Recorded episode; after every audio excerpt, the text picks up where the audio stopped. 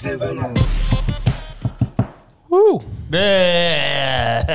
Labdien, esiet sveicināti kārtējā bizsvaļā epizodē. Šodien mums ir īpašais viesis. Uzminiet, kas. Nu, pamēģiniet uzminēt, jā. Es... Kas pēc balva? Es zinu, kā es sapratu, ka es tevi esmu. Tas kaitinošais draugs visiem ir tas viens paziņš, kas bija Indijā. Un viņš pusgadu runā par to, ka viņš bija Indijā. Kā bija Indijā? Es esmu tas čalis tikai ar tā izemi tagad. Bet daudz labāk, ka tu biji ja taisnēm, ja tu būtu bijis Indijā. Tāds, īstenībā tā materiāls lietas jūs pat daudz novērtējat. Bet, jāies, bet, ja stāstās, kā tu malkojies, tas nu, cik smēķi. Jā, daudz labāk nekā spirituāli apgaismotība. Mums pamēģināja DMT. Tas ok, labi, pietiek. Mēs sapratām. Tad ja mums ciemos Jānis, viņš pastāstīs par to, kā viņš bija mau, uh, mauku, uh, taizemē, taizemē, taizemē. taizemē. Tā. Bet senāk, ja tu, piemēram, filmēšanas laikā paņem mauku, tad jūs abi strādājat. Teorētiski, jā. To apmaksā GO3. Viņam aizsūta. To, zini, kas ir interesanti? Es domāju, kā to visu apmaksā Sandija grāmatvedu. Jo kroči, viņš vāca visus tos čekus, kur mēs esam bijuši, vai ne? Lai viņam grāmatvedībā tur varētu būt. Tā čeks jājādā tai meitenei. Vai palūk čeku par šo? Bet tu, vecī, tu zini, ka viņi arī. Tu vari maksāt gan karti, gan atstāt tipu, un viņi to čekā noraksta vienkārši kā kaut kādu super dārgu alkoholu. Un tad oh. iedomājies, kā tas izskatās. Pirmkārt, tā viņa grāmatvedu ka viņi skatās, ka viņi vada visus tos čekus. Tikai un vienīgie izmaksu čeki, kas ir darba attaisnotās vajadzības, sākas vienos naktī, tekilas šoti, džintoniki un stripklubos un bāros un visi tie visi darba attaisnotie izdevumi. Nu, vakara maiņas ma maucāt. Ja? Pat dienu nevar pastrādāt. Un tad, teiksim, ja tu vēlēsies meiteni, par meiteni samaksāt tur ar uh, karti, tad viņi noraksta kā kaut kādu dārgo moju šampaniešu pudeli. Vispār nav aizdomīgi. O, jā, o, jā. No, tā ir cits meitenes, arī ir kā šampaniešu pudeles. Nu, protams, reibina kā šampanietis meitenes. Forums tā.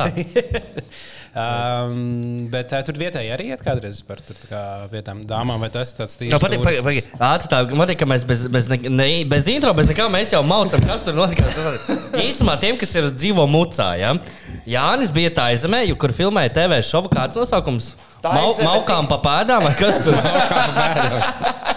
Tā šovs sauc Taisam tikai pieaugušiem. To šobrīd var skatīties GO3. Jau ir mm -hmm. iznākušas četras sērijas, vēl divas sērijas būs iznākušas pirmdienās. Ok, ok. Un tad viņas tur vēl paliks kādu laiku, varēs nostīties viņas arī visi. Tur paliks visu mūžu. Tas visu mūžu. Paliks visu mūžu. To nekad nevar. Jop, tvoju. No, tad tev bērni arī skatīties. Es jau jaunībā filmējās.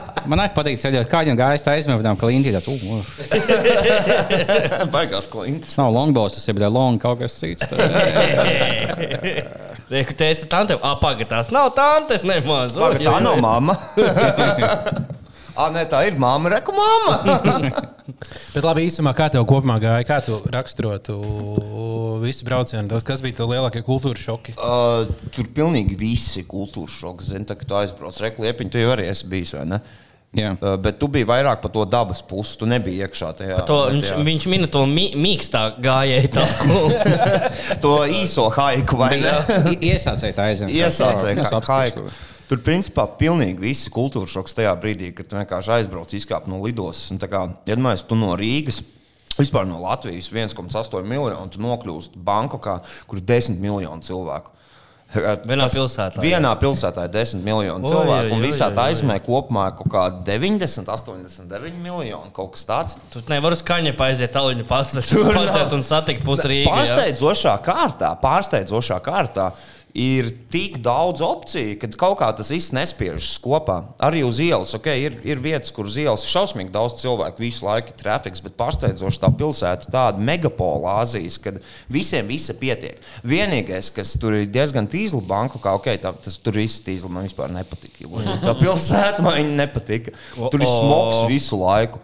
Tur visu laiku smogs, tu tā kā redzi kaut ko blāvu debesīs, bet īsti tā kā ir saule, tā kā nav saule, tu neredzi ne mākoņus, ne sauli, mm. vienkārši visu laiku migla. Mm -hmm. Čak, uh, kaut ko līdzīgu Gromovs stāstīja par Džakartu, ka tur arī tāpat jā, tur smirdēja un, uh, un tā.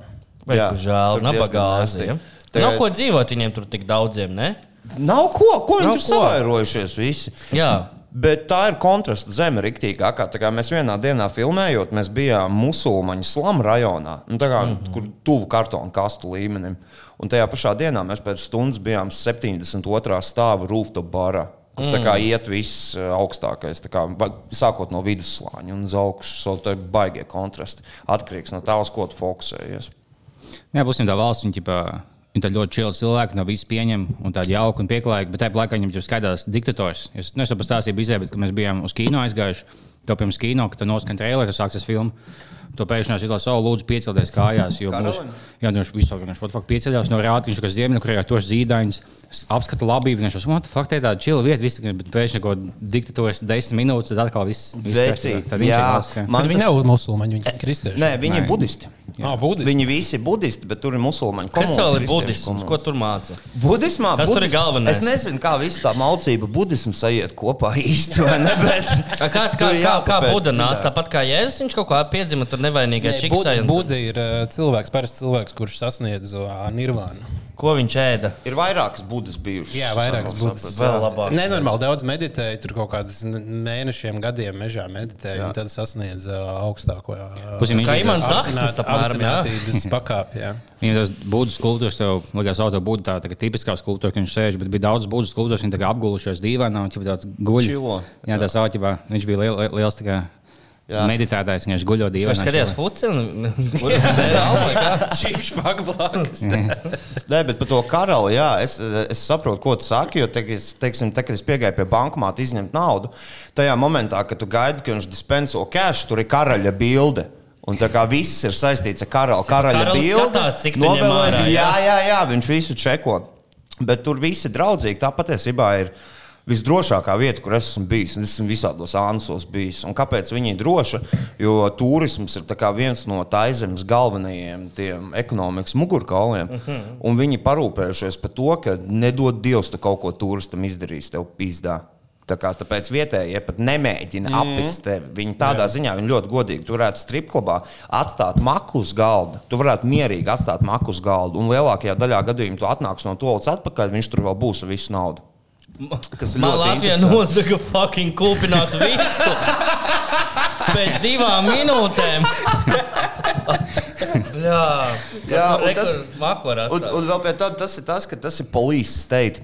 Ķipa, mēs baigi daudz sākumā tur pētījām, nu, kas par mafijām bļa, kontrolē to visu seksa biznesu. Jā. Viena mafija to visu kontrolē policija.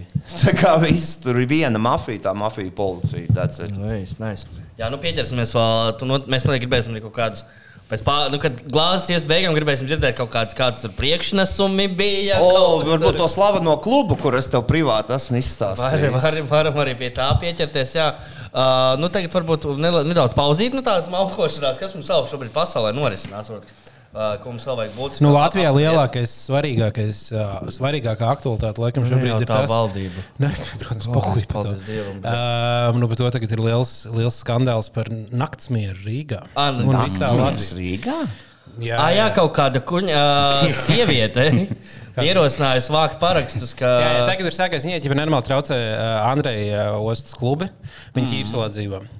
Un uh, viņi visu laiku tur tā kā klubi tusē, tusē, un tā mūzika jau pāri ūdenim iet rītīgi. un Viņi Jā. nevar, nevar pagulēt. un Viņi tur ir sūdzējušies, sūdzējušies, gājis meklēt risinājumus, nav nekāda risinājuma.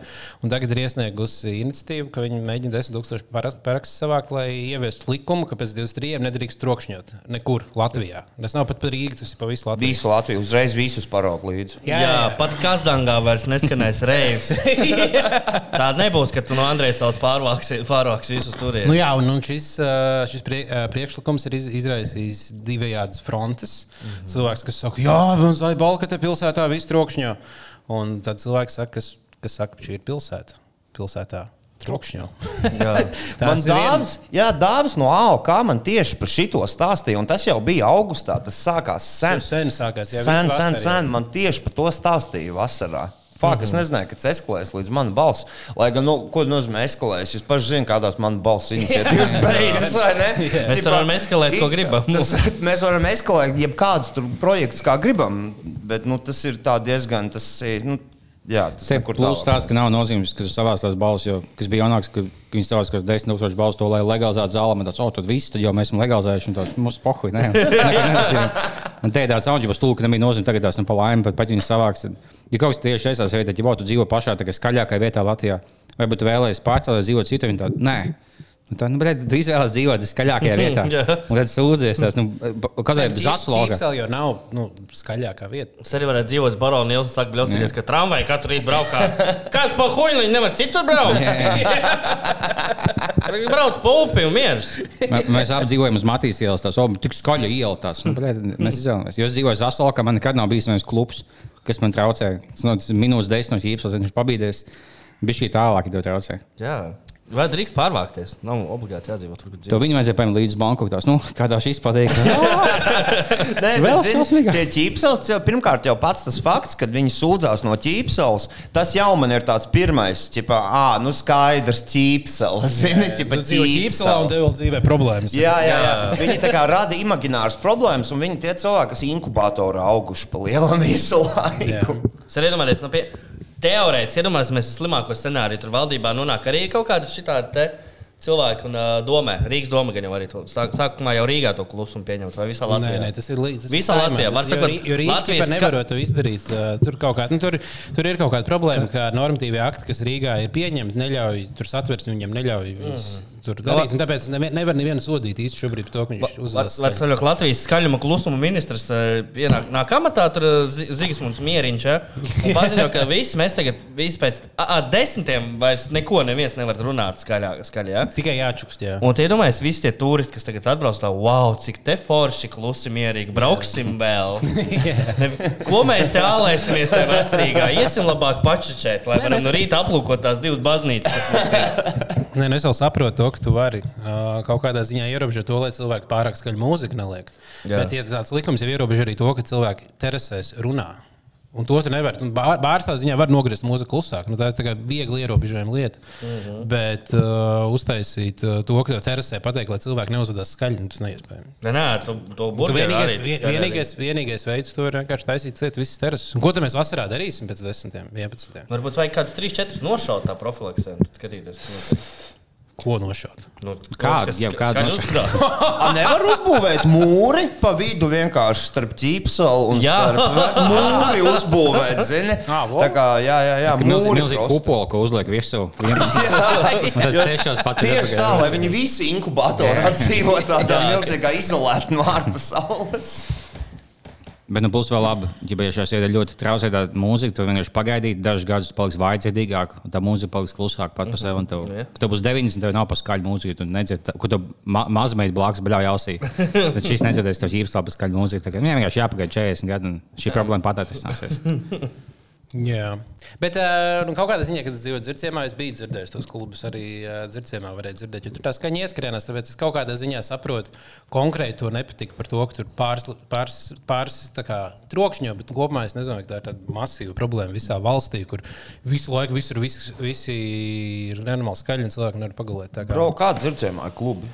Nē, tas tas pats, tie paši Andrēs Ā, tu esi nopietni, tu dzirdēji, Andrēs Salas klubs, es dzirdēju. Jā, jā, jā. For Nu, real? es, es dzīvoju gan pēdējā astotā stāvā. Ah, no tās mājas tu dzirdēji? Jā, jā, jā, jā. No tās Tas, mājas. tas ir gan ļoti interesanti. Nu, man nebija tā, ka tas traucēja. Es vienkārši dzirdēju, ka tur kaut kas notiek. Nu, Man šķiet, tu biji ļoti augsts. Tu biji tā kā augstāk Bet citiem. nē, nu, es nē, biju augšā, Dzirdēt, var arī iznākot uz balkona, rūpīgi ieklausoties. Nevis, kad sēdi, skatos televizoru, nedzird, ko, ko tev panorāmā jā, saka. nu, man noteikti nebija tā, ka man traucēja gulēt, vai es kādreiz biju, nu, tā kā bija tāds, oh, viņš ir stulbi tusētāji. Man, bija tāds. man tagad ir balkons tieši zem uh, gaujas terases, un es visu laiku dzirdu, kā tur cilvēki runā. Man vienmēr ir tāda sajūta, ka, oh, nē, es dzīvoju pilsētā, te viss notiek. Te ir, tur cilvēkiem priecīgi, un es par to priecājos. Bet mēs varam arī te parakstīties pret kājām, vākt mana balss kaut o! te par kājām, Jā. jo man liekas, kājas ir sliktāk par klubiem. Jā. Teikšu godīgi. Tas Es dzīvoju, augstās frekvences, viņas daudz vairāk un tie bebi, ej, tu noskat bebi. Vecīt, es dzīvoju agrāk stāvu darbas krustojumā. Trīsstāvīga māja, un tai mājai ir tāds taisnais jumts, ka tur ir perfekti līgstas, taisīt perfekti. Un viens gads bija kā vistrakākais, pēc kā es sapratu. Es gāju nē, bet kā jūs apēst, tas varētu kā nokost galvu viņai, ķip, kā fucking Ozijas sikspārnim vai ne. Uh, tas, kā viņi, viņi sāk 4, 5 no rīta, un viņām tas viens specifiskais. Šitais te. Un, un, un tieši tas, kas notiek uz četros, man arī, kad centrā dzīvoja, kādreiz bija viena brīdi, ne, nu, vienkārši vasarā vajag logus vaļā turēt. Un tad tu vienkārši viņus tur nenormāli un saskrien barā un kaujās savā starpā, kliedz ārdās. Un, tie viņas, tu nevari at, atvērt logu un teikt, blē, aizvarās! Tas Man ir kaut kāds kaimiņš, debilās, ka es jau lauku no mājām, vienkārši skatos, kādas sievietes baro tās kājas. Ķip, ka tu, oh, es došu ēdienu, tad nāciet vēl vienkārši. un, Tas viss šausmīgais. vienkārši Viņas jau tā ir par daudz. Un To nahuj iedod viņam kaut vietu, ka viņš var pāriest, un viņš nāks vēl un vēl. Ideāli. Es mēģinu. jau pieņemšu tādu likumu, tad policistiem ir uh, uzdevums izšaut tās kājas. Viņi ir vienkārši vakarā. Tas būtu kaķenēm. Tu piezvani, jo 4 no rīta viņi at- atbrauc speciāli ekipāži, izvelk tās lielās medību bises, kas tās pīles ķer un viņi to pa vienai šauja nost. Tas būtu tā kā Austrālijas emu karš, dižais. bet mē, Latvieši pret kājām karš. Es mēģinu pieradināt vārnu šobrīd. Tās ir krūtākas pa kājām. Vārnas ir gudras, ir, viņas ir nenormāli gudras. Viņas cīnās kājām, kājām laiku. Es, es gribu tieši tā, un es gribētu, lai viņas nes man visādas dāvanas mājām. vai ne? Es viņas baroju ar zemesriekstiem, tā kā mm. pīnats. Uh, jo tas ir viens no tiem rīkstiem, kurus viņas var paņemt. Viņām pietiekami tas Tas liels. ir sālīts. ne. Nē, nē, bet. Jā, Tos vārds. nestrēles ar, uh, ar čili. Ar čili. Tas būtu slikti putniņam. Nu, varbūt garšojas, ja nezinu. Es būtu vēl, ja tu pieķinātu uh, kovārņus vai vārņus, tā kā sekot līdzi, un tev kā kādā koncertā viņš paši atlido, tev nostājās pleca kaut ko palīdz. Tas viņš nahuj dzīvnieks Pāris pieķināt. tā kā. Bija kaut kāds, kas, kas ko tiktu, kā stāst, bija kaut kāds vidīgs pečāls, kurš 40 gadus nodzīvoja mežā viens pats. Viņš pārvācās tur vecus 40 gados. Un, nu, be, be, Kad atbrauc uz pilsētu, viņam bija tur par skaļu. Ja? Viņš aizbrauca un dzīvoja mežā, pats uzbūvēja savu māju, viņā dzīvoja. Un viņš bija pieradinājis tos dzīvniekus tik ļoti, ka viņš iziet ārā, viņš vienkārši paņem, ā, paceļ gaisā kaut kādu maizi un uzlido virsū tur vārnu pie viņa. kā, o, Uzkāpj uz pleca, viņš staigāja ar viņu apkārt. Viņš mežā tur kaut ko vēl sasauc, kaut kas pie viņa atnāk. Tas... Tā kā tā arī var dzīvot, ja gribas klusumā, tur noteikti bija kluss. Nē, tad tu palīdzi, jo, jo vārnas cīnās ar kājām laiku. Tieši tā. Tad, ja tu atbalsti otru komandu, Vārnas kraukli tieši Jā. Tā. Un uh, vispār tā kā tie gudrākie pūtni ir Ņujorkā. Tas viens čalis, man liekas, viņam, kurš to redzēja, tiktu. Home Alone bija tas tā tantiņa, kam bija tie kovārņi. Vidā, Bet, bet skaties, jā. ir viens čalis Ņujorkā, kurš ir pieradinājis kraukli. Un tas krauklis viņam nes naudu katru dienu. Viņš No atvilka, viņš atvilka, viņš viņu salasa. Ziniet, kā krauklis kaut kas spīdīgs. Viņi redz kaut ko spīdīgu, un viņi pizdzīvē lietas riktīgi. Un viņš ir iemācījies, tas čoks atvilka. Atvilkni. Tur viss ir pilns ar naudu, ar tieši to, ko tas krauklis viņam ir sanesis. Monētas, kaut kādu dolāru. Viņš viņu pieradinājis riktīgi. Jo, ķipā, es skatījos, ja tu gribi pieradināt, tad skaties tā, tu atstāji tam krauklim vai vārnam ķipa, kaut kādu našķi. Un viņš tev kaut ko par to iedos. Un tad viņš sapratīs, jo vairāk viņš iedod, viņam atstāja vairāk našķis. Mm. Tad viņš sāks domāt, ah, jo es tev vairāk atnesīšu, jo vairāk paiku es dabūšu. Jā. Tas krūtījās, es vienreiz redzēju arī no balkona, kā um, Vārns spēlējās. Jo spēlēšanās ir augsts inteliģents uh, pazīme. Nu, Ko jūs- viņi spēlēja? Viņas spēlēja tā, ka viņas, bija piecas kopumā. Viņas visas uzlidoja, tā kā uzlidoja līdz vienai vietai, un vienā vietā vienkārši sāk krist. Un kaut kādas 5, 8 sekundes krīt, krīt, krīt, un lido tālāk, un lido atpakaļ uz to pašu vietu. Nenormāli. Un viss rindā vienkārši viena pēc otras. Ir burvīgi putni, dievi. Nokrīt, tā kā aizlido, nokrīt, un tā kā viņš tādā laikā riņķo. Un, ā, dievinu tos putnus. Un tas man likās, bet tas vienkārši izskatās, ka viņam tāds - tā kā, oh, vai šis priklis, es pamēģināju, es pamēģināju, tad bija pārējie arī to visu. Oh, šis izsaka krūtis, un vienkārši tur tusēja. Jā, vārnas krūtis. Mēs varētu iemainīt visus kājas pret vārnām. Es esmu kluss pieklājīgs. Plus, kā izteikti, kas ir godā Viņš miskas. pīzdīja. Kā viņš ir Vajag agresīvs, ļoti. Viņš ir agresīvs, ļoti. Jā. Un viņš no miskas tā kā izņem visu sūdzu laukumu, piemēram, un likās, "Bet kas jau ir mūžā, kas nomētājuši pie soliņa, kas ne tās kājas, kas pildo, bet izmētā visu to sūdzu un, tad, uh, un kraukņu vārnas tādas. Un man pat pieklājīgas. netraucē viņu skaņas. Tā kā Tas, kā, kā teiksim, izdevš uh, skaņas kraukļu vārns, man netraucē. Man tāds ejas mārīgs, bet prikols liekas. Bet kājas, bet viņas ķērts. Mm -hmm. Viņas ķērts, un tas traucē. Jā. Nu, Brausmas. Brausmas. kājas ir, tas nonākšu pie slēdziena, ka kājas ir zajabala. Cebā. Jā, mums ir kaut kas iesūtīts, kā Agno, Aglonas radio. Nu, to otrā pusē paklausīsimies. tu otrajā pusē paklausīsimies. radio, jā. Jā. Jā, mums arī cilvēki iesūtījuši kaut kādus jautājumus, Jā, ja nemaldos. Ir jā. ies- iesūtīti jautājumi, bet kurš te visus viņus var atrast? mēs. Um, jautājums Jankam, Janka, kad būs Pjanka? Ir jau. Kad būs pjānga, man liekas, ka jau tagad ir. Tagad jau ir. Tagad Pjanka, jau ir jā. viņi sākušies. Janka turpina. Jā, bet tev tāda bija Pāļu bazaram live epizode. Jā, fuck, mēs, jā. mums arī ir bijušas live epizodes, tev bijušas live epizodes. Tas bija ba- Pāļu bazara epizode. Jā, Mums arī es, bija no bazarā. jums iedvesmojos. tā kā Es redzēju, kā jums fucking sagāja. Es domāju, arī jāpamēģina. Tā kā Džeki, paldies par iedvesmu. Paldies, ka jūs jā. izbruģējāt ceļu līdz tam, zini. Un kā bija, kas bija lielākās atšķirības? Tev bija grūtāk. Nu, gan jau Bija grūtāk, jo patiesībā, ne, pirmkārt, Nu, pateikt, to bija ahujēna. Bija nenormāli grūti. Es negaidīju, pirmkārt, ka būs tik daudz cilvēku. Jo tas tā ļoti specifiski, bet tajā brīdī, kad mēs palaidām eventu, jau nākamajā dienā tur bija 800 interesēti. Wow! Mums ir tāda maziņa teritorija, zini, diezgan. Bet es gāju kopā ar Spiritu akciju, kur arī tajā dienā tur bija viņi izdomājuši nenormāli lētu šmigu. Viņi uztaisīja tā kā pop-up bāru, un tajā pop-up bārā bija pa pašizmaksas cenas. Mm. Tur bija tā, ka tu varēji dabūt rumkolu ja, par 2 eiro mm. vai kaut ko tādu. Un tur bija, tur, tur pizdzēts bija beigās. Kādā veidā jūs taisiet? Pie spiritiem Andrejs Salā. Viņi tur speciāli jo, principā, tu aizēji, paņem vienkārši uzreiz, vai ne? Un tur bija nenormāli lēta, un man bija Mārtiņš Stāčs un Rojas. Un tā lielākā atšķirība bija tāda, ka sākumā es biju bijis uztraucies, protams, abieslī, jo pāri bazars vienmēr, zin kā, tā buhāšana, tā ir tāda intīma lieta. Mm -hmm. nu, ķipa, īpaši tās visas sarunas, kas pie buhāšanas notiek, tā ir tāda ļoti personiski intīma lieta. Un tad, kad tevi skatās kaut kāds 150 cilvēki, vai ne, kad tu buhā un mēģini skatīties acīs tam Jā, cilvēkam un tā kā atvērt viņu vaļā, tas ir krietni, krietni citādi. Pašam cilvēkam ir grūtāk atvērties. Tieši uzreiz- tā. Lai gan tāpat tās video pēc tam skatītos vairāk cilvēku nekā tur ir uz vietas, Jā, bet jā. um, liekas, tāds ah, kā, kaut kā Jā. daudz grūtāk uzreiz. Tieši tā. Tā kā tas bija ļoti, ļoti forši, un mēs noteikti taisīsim vēl, jo tas pasākums bija principā tas slīcināmais, lai mēs saprastu, kā ir jādara, kā nav jādara. Pirmā kļūda bija tā, ka es nepaņēmu mikrofonus ķipa apskaņošanai uz stāķa epizodi. Kas, kas bija kļūda, vai ne? Jo tur aizmugurē cilvēki vienkārši nedzirdēja. Jā, jūs tur beigas kliedzēt. Jā, Jā, jā, jā, mēs pēc tam kliedzām, nebija variants. Bet tad uz nākamo uz roju es jau biju saskaņojis. Mums atveda gan tehnika, gan viss pārējais, un bija ļoti laba apskaņošana. Mēs jau ierakstām to audio, ņemt no tiem pašiem mikrofoniem. Jā, tas nav jā, dubultā. precīzi. Un, uh, tur viss bija kārtībā. Tā kā Es domāju, ka nākamais noteikti būs rudenī. Tur aizmugurē tieši lielā spirita noliktava iekšā. Un tad iekšā noliktavā mēs, parūp, mēs parūpēsimies par to, lai ir galdiņi. Lai ir tā, ka tu vari rezervēt galdiņu. Tur vienalga, cik personām ir dahu, ja galdiņi. Un pirmkārt, mēs netaisīsim divus vienā dienā, un tas bija žostki. Es tieši gribēju prasīt to, vai nav grūti. Tas bija stulbi. Nē, tā bija stulba ideja. Tā bija stulba ideja. Bet mēs to pirmo padarīsim īpašāku. Mēs iesaistīsim publiku. Tu, kā, teiksim, tu no auditorijas tu varēsi pats uzdot jautājumu, kaut kādu, ko tu gribēsi. So, nu, tā vietā, lai pavilktu viņu tādu bišķiņu ilgāku un tādu foršu. Es, es baidos, ka tur, kas tur pa jautājumiem nāks ārā. A, cik jūs pelnāt? Cik tev kontā Jānis tieši no šitā?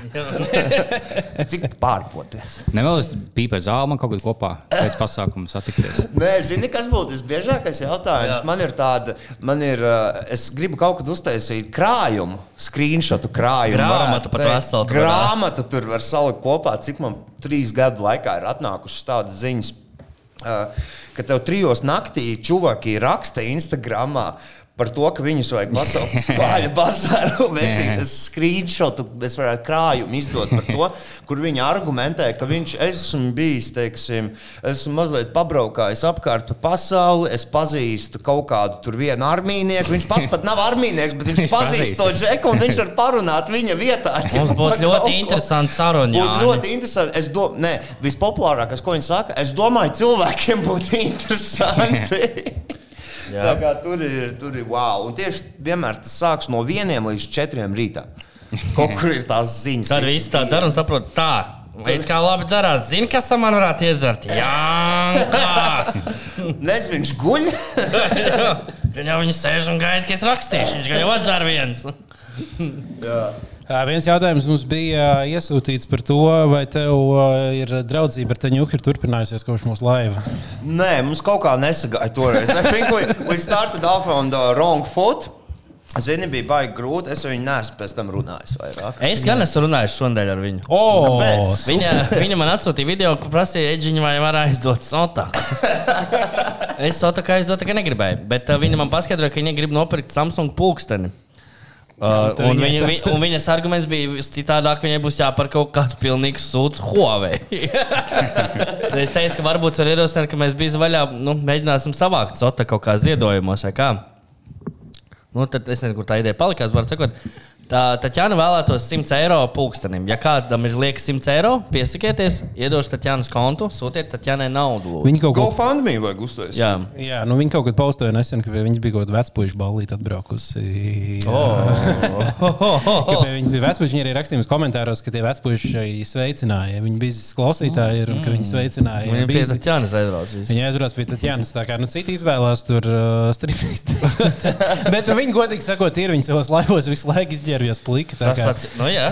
Eģe, mēs tev uz vecpuļu balta ņuka dabūsim, tad es ticamākais. Es laikam Tā viņš arī nekad Tā neaprecās. arī es nekad.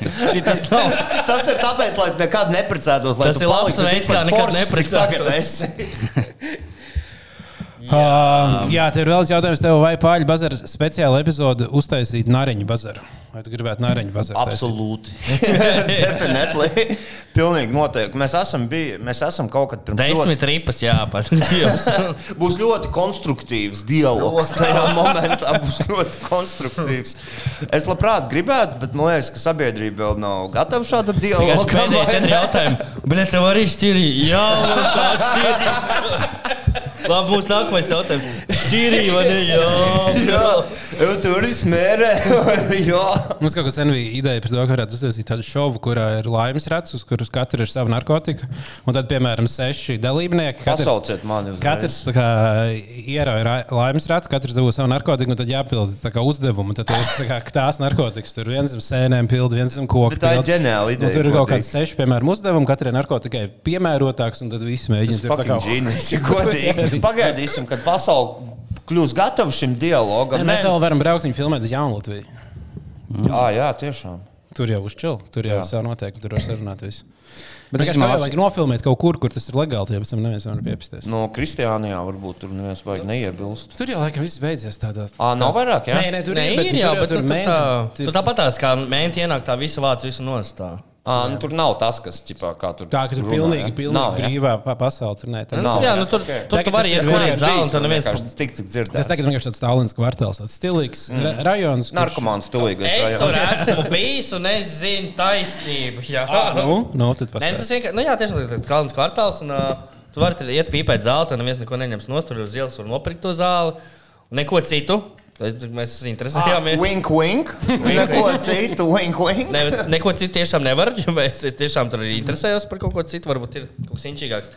O, bet nē, tur var pirkt hašišu un zāli, cik tev uziet, sēdi pīpēt, un viens neko nes, nedara tādā ziņā. Bet tur arī, cienu. bet tur arī arvien vairāk nāk policija. Tur slepkavības bijušas pēdējos gados kaut kādas. Nu, ro, nu, re. Un Rojam tur ļoti patīk. Nu, tas skaidrs. Tas skaidrs. Tas ir viss, ko es zinu par šo. Jā. Uh, tā. Nu, ko apakaļ pie tās maukošanās? Nu, tad varbūt tu vari kaut ko tagad, jo mēs esam bijuši ies, iesiluši. Nu, Par to tad- maucību maucību, kas tur ir tāds. Um, Kas ir interesantākais, kas palika ārpus? Lielākais, kadra? kas man visspilgtāk ir palicis atmiņā, es varu pastāstīt. Nu, tad- Jā, jā. Jā, jā. Okay, es, eh, tas man liekas, jā, tas nav ielikts um, šajā te raidījumā, jo tur gāja ar slēptajām kamerām, un tā kvalitāte ir tik sūdīga, ka nav jēgas vienkārši. tā kā Vispār nav jēgas. Bet tur ir viens tāds interesants klubs ļoti. Man šķiet, ka tas bija patējā.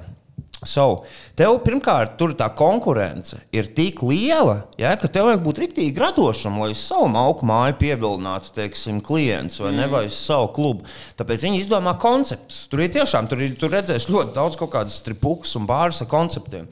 Un tad viens tā īpaši izcēlās. No, no. Es to saucu par pežu platformu. O, Es to saucu, es neatceros, kāds bija viņa nosaukums, bet es to tā nosaucu par pežu platformu. So, koncepts tur ir tāds. Mēs te aizjām atpūsties uz turieni, ja, paņemam dzērienus un kaut kur re, reizi stundā vai reizi pusotrā stundā tur meitenes visas atnāk kopā nostājas. Ja? Un viņām tāda numuriņš tad pie sāniem, kas ir normāli. Un tur ir tāda tā kā skatuve, kas ir arī kā platforma. Teiksim, tā kā šitais, bet ar tādām trosēm vai, vai izbīdāmajiem. Gan, gan. Un tā skatuve, jā, viņa tāda ir nu, kā liftiņš. So, tie visi meičuki, viņi atnāk, viņas apsēžas rindiņā. Jā, jūs tur sēžat pretī, mēs te tur sēžam pretī. Tad tā skatuve paceļās, jā, un tad mēs ejam laizīt pežus viņām. Tā sēdi dzēra alu, jā? Sēdi, dzer Bet, alu. bet tev jāiet pie, nolaižas pie tevis lejā. Tas Nē, nē, nē, tu ej klāt, jā, jā? un mēs tā Ah. plecu pie pleca varam šņakarēties tur. Ah. Pleca Par pie pleca. tā kā, tā kā pjālus kaut kāds uzkodas. Jā, jā, jā, jā, jā. Citās vietās tur sāļos rīkstiņus. Jā, man liekas, tā ir laba ideja team buildingam. Labi, jā. Jūs nebijat dusmīgi, ka es apsēžos daudz? Bet es tā izmatnos, nahuj. Man nevajag pēšas, bet es lidoju 14 stundas. Es Latvijā pēšas apkārt. Vediet, nahuj, īstās. No tās izstāsts. so tas ir tas, kas man noteikti spilgtāk ir palicis atmiņā. Tas bija Un, tad, tāds- un čaļ, čaļ tur tā kā gāja un arī rīkojās. Jā, jā, jā, protams, sacīt, protams. No, ko, a, kad, tu vēl, a, kad, tu vēl, kad tev vēl būs tāda iespēja? Nu. Tu dzīvo vienreiz. aptuveni. Nu. Bet uh, vēl bija daudz interesantas vietas, ka, piemēram, vispatājiem, kas vispār ir netīrākā, fucking pretīgākā pilsēta, tā izmēma. Tā liekas, viņi sauc turpat pa grēku pilsētu. Nu, viņi tā kā pretīgi. Nevēl tas arī atskaņu vārdam atēja, ne? Ate, jā, un viņa vēl pie ka, kas viņu padara vēl pretīgāk, tā ir tā kā mazā Maskava. Būtībā mm. tur ir tik daudz, tur ir vislielākā krievu koncentrācija visā tā izmē, man liekas. Un, uh, un tā pilsēta, viņai ir, tā, viņai ir tajā pašā laikā arī sagadīšanās, viņai ir vislielākā Ladyboy koncentrācija. Opa? Uh, Es domāju, ka visi zina, tie, kas nezina, Ladyboy tas ir uh, transpersona, vai ne, kas ieliek krūtis, nu, ķipā ar krānu, vai ne? Čiks ar krānu. Nu, tie, kas nezina. So, un ir tas joks par to, ka tā aizem, nu, skaties, ka neuzraujies. Zini, skaties, ka neuzraujies, jo tur ķip, tā koncentrācija liela. Viņas tā kā ļoti atklātas par to, un tas vispār nav tabū, un tas ir pieņemts, un tas viss ir ok, un vispār nevienam nav nekāda problēma. Es to dievinu. Tu tā kā aizpēsi staizem, visi viens otru pieņem. Pilnīgi nekādu strīdu, nav vajadzīgi nekādi konstruktīvi dialogi, vai ne? Visi viens otru pieņem. Mm -hmm. Un uh, tur bija viens tāds Ladyboy bārs, kur, protams, viņām nepatīk, ka viņas filmē. Obviously. Viņām Jā. ļoti nepatīk, ka viņas filmē. Un, lai mēs dabūtu kaut kādu saturu, kur tāpat sejas ir aizblurotas, mēs gājām slepenajām kamerām, slēptajām. Kā, un Sandijs, kurš producents Semjonovs, Bļā, es nezinu, kā viņš var būt bijis. Viņš tipēji labs žurnālists vai nebijis tik daudz karstajos punktos. Bet viņš vispār nav inkognito. Tā kā vecīt, viņš izstījās pēc menta. Tā kā saprotu, tu ej iekšā barā, tas čūks. Nerunājiet ar to čūku. Viņš ir tāds, ga- es atsūtīšu pēc tam bildi, ko video ielikt. Ja, kā viņš izstījās tajā vakarā, es redzu pa viņu visu laiku. Pirmkārt, viņš jau bija uz kaut kādām antibiotikām. Viņš nedzēra alkoholu. Ai, Tad iedomājieties, viņš ej un paņem kolas buļbuļsāģi un staigā ar tādu piderasku, kur GoPro ir iekšā. Ar to kolas buļbuļsāģi tam iet garām. How much? How much? Skatās uz tevi. So, un tad es tajā brīdī es sapratu, nu ir dirzāk, ka mums tūlīt uzraus. Un, uh, es sapratu, ka man ir jātēlo, es tēlošu, ka es esmu pārpālījis un visu laiku kliekšu, lai Oh. visi skatās uz mani, ķipa, lai es novēršu uzmanību. Un tajās valstīs tur tas prikals, tik cik es esmu iemācījies no kaut kādas slēptās pētnieciskās lietas. Tad, kad tu kaut ko, nu, tad, kad tu dari kaut ko tādu, ko tu taču nevajadzētu darīt ar kamerām, izmanto to, ka tu esi latviečs, ka neviens nesaprot, ne sūdu, ko tu saki, neizmanto starptautiskus vārdus. Un mēs darījām tā. Evo, galvenais visu laiku smaidi ar to aliņu rokā. Es, ja kas, paņemšu visu uzmanību uz sevi. Un vienkārši smaidi, tu tusējies, un tie vietējie viņi vispār nesaprot nevienu vārdu. Bet tu atklāti otrā telpas galā. Es ņemšu uzmanību uz sevi, chill! Un, ja godīgi, tas strādā. Tas tiešām arī strādā. Ko jūs mēģinājāt atklāt? A, nē, mēs vienkārši parādījām, kāds izskatās. Mēs neko nemēģinājām atklāt. Vienkārši parādījām, kāds izskatās. Tas arī viss tādai mazai iegaršai. Tur tā nu arī ļoti liela sadaļa. Tas, kas ir Bet, interesanti. ja jūs noķert ar tām kamerām, gan jau nebūtu baigi. Nē, izmest laukā. Nē, izmest laukā. Tur nav, nav nekas tik traks par ping-pong šovu. Bet, ja mūs noķer, tad gan jau es pats tur ping-pong taisīju. Tas ir ping-pong šovs, Jānis. Mēs tiksim līdz tam, vai ne? Bet tas, kas man vēl bija tas liels kultūras šoks, tur, kur es tajā bārā, tajā klubā, vai ne? Tur bija baigi daudz brītu veču. Mm, tas tur esot stand, standarta apmeklētājs. Mm. Britu onkulis ap 50, 60 ar alu rokās. Jā, jā, precīzi. Tu tikko arhitektu perfekti noliki. Un tas, kā, kā viņiem patīk atpūsties, nu, man bija arī tāda, zini, kā augstajam latvietim, introvertiem. Man arī bija tā, in, nu, jancīga, varētu teikt, redzēt mm -hmm. dzīvē. Tu esi tajā bārā, un tur ir baigi daudz tās čiksas, kuras pirmkārt jau ir garākas par tevi, ar lielākiem pleciem par tevi, vai ne? Un tas viens brītu opītis, kurš tādā sajūsmā ir, viņš eh, iegrābis vienai pupos, vai ne? Un viņas tur ir tādos boģikos. Viņš paroja malā boģiku un ātri pipeli. Super. Un tas bija man blakus, un es to tā kā skatos, un te atpūšās cilvēki. Tā ir interesanti. Laikam noguruši visi bija vajadzēja atpūsties. Vajadzēja atpūsties, jā. Nu, un tas bija vēl tāds interesants skats. Jā. Tā vispār bez tabū, bez jebkā krūta. Forši, Bet tas forši, labs, ka viņš aizmāk tādu, nu, mēs pētīsim, vai tiešām šos smalku mājās viņas pārdod seksu. Tad bērns vēlētos, jā, viņi pārdod. Burtiski mīlu dokumentālā beidzas. Īsti 5 minūšu YouTube video. Viss Man beidzas. patīkās, ka tev nes, pirmā sērija, kas redzējis, uh, patīkās, ka vienā sērijā tā kā. Tā pašā pirmā mēģināja atminēt, vai tas ir vīrietis vai sieviete. Ladyboys vai prostitūta vienkārši. Jā, tur ir seksa muzejs, uz kur mēs bijām. Un uh, es tā kā visas, tur bija ķip, tāda spēle, ir tādas durtiņas ķip, pie sienas vairākas, kur ir čiks virsū. Un tad tu paver durtiņas un tu uzzini, vai viņai krāns vai nav. Hmm. Un uh, mēs spēlējām to spēli. Es visur trāpīju pareizi, ka čiksas. Sandijs visur nepareizi. Sandijs visu laiku uzrāvās. Un bija vēl viens prikals ar viņu. Viņš kaut kā baigi uzsēdās uz tiem ladyboy bāriem. Tā kā pirmo vakaru, ja ejam visi četrtā filmēt, ejam komandu filmēt. Jums vajadzēja Pēc- viņam atņemt tās antibiotikas, man liekas. Skaties, pēc divām dienām.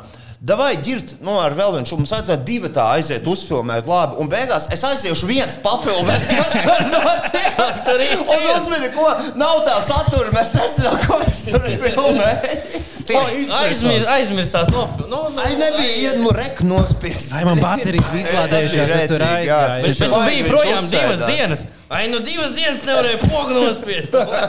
Nāc apsēties, nevajag, nav ko, nav ko sēdēt, jā, ir Viņš jau, viņš jau laicīgi iesaka galdos. Nu, jūs jau, es jau muzejā, nu, es jau uz laiku sajautu. Zinu, kā es esmu tāds. Mans laiks sajaukt, tagad tas ir mans attaisnojums. Jā. Un tad vēl pēdējā tā lieta, laikam tās tās trīs lietas. Ir ping-pong šovs. Jūs paļu bombu zināt, kas ir ping-pong Liepiņš piedalījās pie viņa pingpong. Kā pingpong spēlētājs. Jūs man Bija pingpong raketi? spēlēt. Raketi? raketi vai bumbiņu? nedēļ, ne, tev ķermenis jāsmet to pingpongam. jā. Bet ne, tas bija vienīgais, uz ko es nebiju. Viņi jau piedāvāja tāds, nu, nē, jau tā kā. Pagaid, tad tu nebija vai bija? Tas nebija, nebija. Slikais tāds. Ā, nu es tev varu pastāstīt. Tieši tā. Jā, kas nu, tas ir. Pastāsti, Nu, kas pīs šai kas- bumbiņas laukais. So, būtībā ping-pong šovi ir tā kā tik nēstīgi. Kad viņi nav atklāti uzlikti, tu teiksim, iesi cauri tai galvenajai ā, maukošanās ielai, un tur būs dafiga čuvaki ar ā, plakātiem A2, kur ir ping-pong šovu, cena, viss, bla, bla, bla. Un tie čuvaki tev paši nāk klāt, ping-pong šovu hier, jā, jā, jā. jā, jā. Mm -hmm. Labi, karoči, mēs aizgājām uz vienu ping-pong šovu. Kur ir strikti. Nevajag, nu, tur pat nevajag telefonu vilkt ārā. Nu, tā kā nevajag vispār uzprasīties, jo apsargi tur vēl pie tam viņi no attāluma viņi spīdina lukturīšiem. Viņi spīdina, tev viņi paspīdinās klēpi kaut ko, pastīsies, vai tev tiešām nav nekāda ne kamera, tehnika. Jo tas tāds ļoti intīms process, ir, kas mm. tur ir. Mm, Tomēr Es tas ir liet, lietas vietās. Jā, tas talantu šovs. Varbūt X varētu faktors, to jā. X faktors, jā. So mēs tur iegājām. Ieja bija. Tā kā kaut kāds 100 eiro, man liekas, bija vai O. kaut kas tamlīdzīgs. jā. Un auss maksāja 15 eiro. Bet, nu, Jā. tas ir. Tas ir dārgāk nekā vid- vidēji viņiem tur lētāk.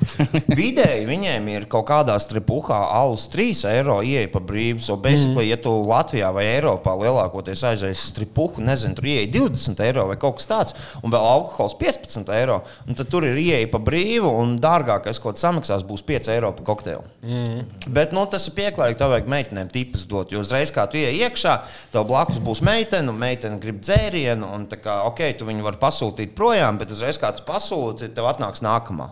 Viņas visas ir izsalkušas, nedzērušas visām, viņām visām ir jābaro bērni, bļaļ, mājās, jāsūta naudas senčiem. Tā kā nevis pimps, ja tu tur sēdi, tad atstāja kaut kādu to tipu viņai. Bet par to ping-pong šovu. Ok, mēs Sandiju tur ienākam, paņemam aliņus, apsēžamies. un Tur bija baigi tāda interesanta publika. Tur bija kaut kāda amerikāņu čūvaki priekšā pie skatuves sēdēja. Kaut kāda varēja redzēt laulāti pārīšu aizmugurē. Kaut kāds, eh, kaut kāds viens čūvaks, kurš bija pilnīgi pārģēries un kuram viena vecene grindoja klēpī. Nu, izstījās, ka viņš jau ir beidzis divas reizes, un viņi turpina drošīt kaut kā viņam to klēpi vai ne, un vēl pačiksēja uz katru sānu. Un tad sākas šovs. Okay, pirmā čiks iznāk ārā ar tādu spainīti ar pingpong bumbiņām. Un uh, viņi ieliek sevī trīs pingpong bumbiņas mežā. Mm -hmm. Un tad tās trīs pingpong bumbiņas prrr, tā izšauja ārā. Jā, vienkārši kaut kur randomā. Nu, ra randumā, jā. Un, un un tie brīti ķer ar zobiem vai kāds? Nē, mēs tiksim līdz tam. Pat. Un tad viss aplaudē. Kroč, tāda ir viņas performance, vai ne? Bet ar to jau vakars nav beidzies. To es samaksāju brangu naudu, tomēr par Jā. šovu. Savu nākamā performance. Uh, visi aplaudē, atnāk nākamā čiksa, un tur jau lietas sāk palikt inčīgākas. Tā tad, skaties, viņi iznāk ar. Uh, Ir viena kolas pudele stikla ar tukšu, ar pliku ūdeni, ja, caurspīdīgi. Un tad ir otra kolas pudele, ja, kas ir vienkārši tukša stikla. Viņu noguļās uz muguras un to ūdens kolas pudeli ievada sevi iekšā. Ja, tad viņi pieceļās kājās un izčurā melnu otrā kolas pudelē.